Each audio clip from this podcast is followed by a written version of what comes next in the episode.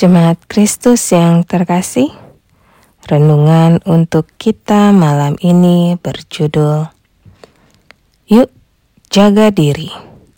Dan bacaan kita diambil dari Efesus 4 ayat 26 hingga 31. Begini firman Tuhan. Apabila kamu menjadi marah, janganlah kamu berbuat dosa. Janganlah matahari terbenam sebelum padam amarahmu, dan janganlah beri kesempatan kepada iblis.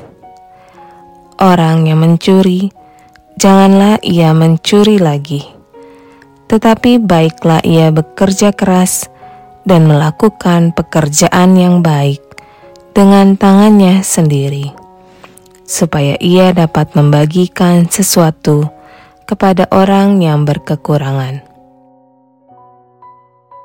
Janganlah ada perkataan kotor keluar dari mulutmu, tetapi pakailah perkataan yang baik untuk membangun di mana perlu, supaya mereka yang mendengarnya beroleh kasih karunia. Dan janganlah kamu mendukakan Roh Kudus Allah yang telah memeteraikan kamu menjelang hari penyelamatan. Segala kepahitan, kegeraman, kemarahan, pertikaian, dan fitnah hendaklah dibuang dari antara kamu. Demikian pula segala kejahatan. Menjaga diri itu gampang-gampang susah Gampang karena kita sendiri yang sebenarnya paling mengetahui diri kita. Susah karena justru kita sering kalah dengan kelemahan yang kita miliki. Dengan demikian, tantangan yang terbesar untuk menjaga diri adalah dari dalam diri kita sendiri.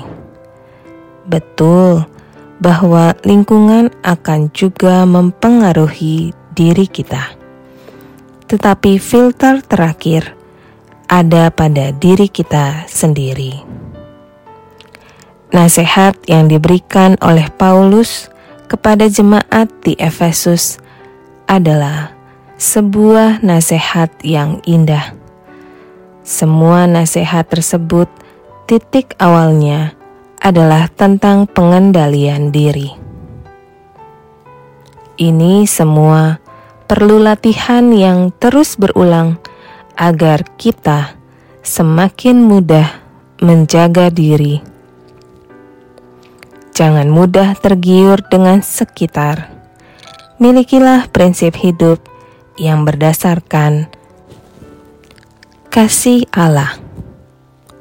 Bila kita mulai jatuh dalam pergumulan, segeralah berdoa dan memohon pimpinan Tuhan, sembari teruslah sadar bahwa kita memiliki keterbatasan dan kelemahan. Kapan saja, dalam situasi seperti apa pun, kita bisa jatuh dalam pencobaan.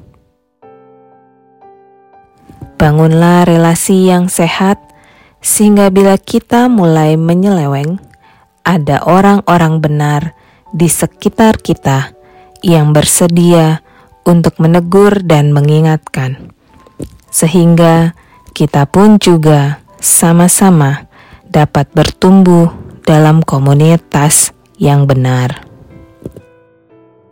Tak lupa selalu berharap pada pertolongan Roh Kudus ia yang memampukan kita.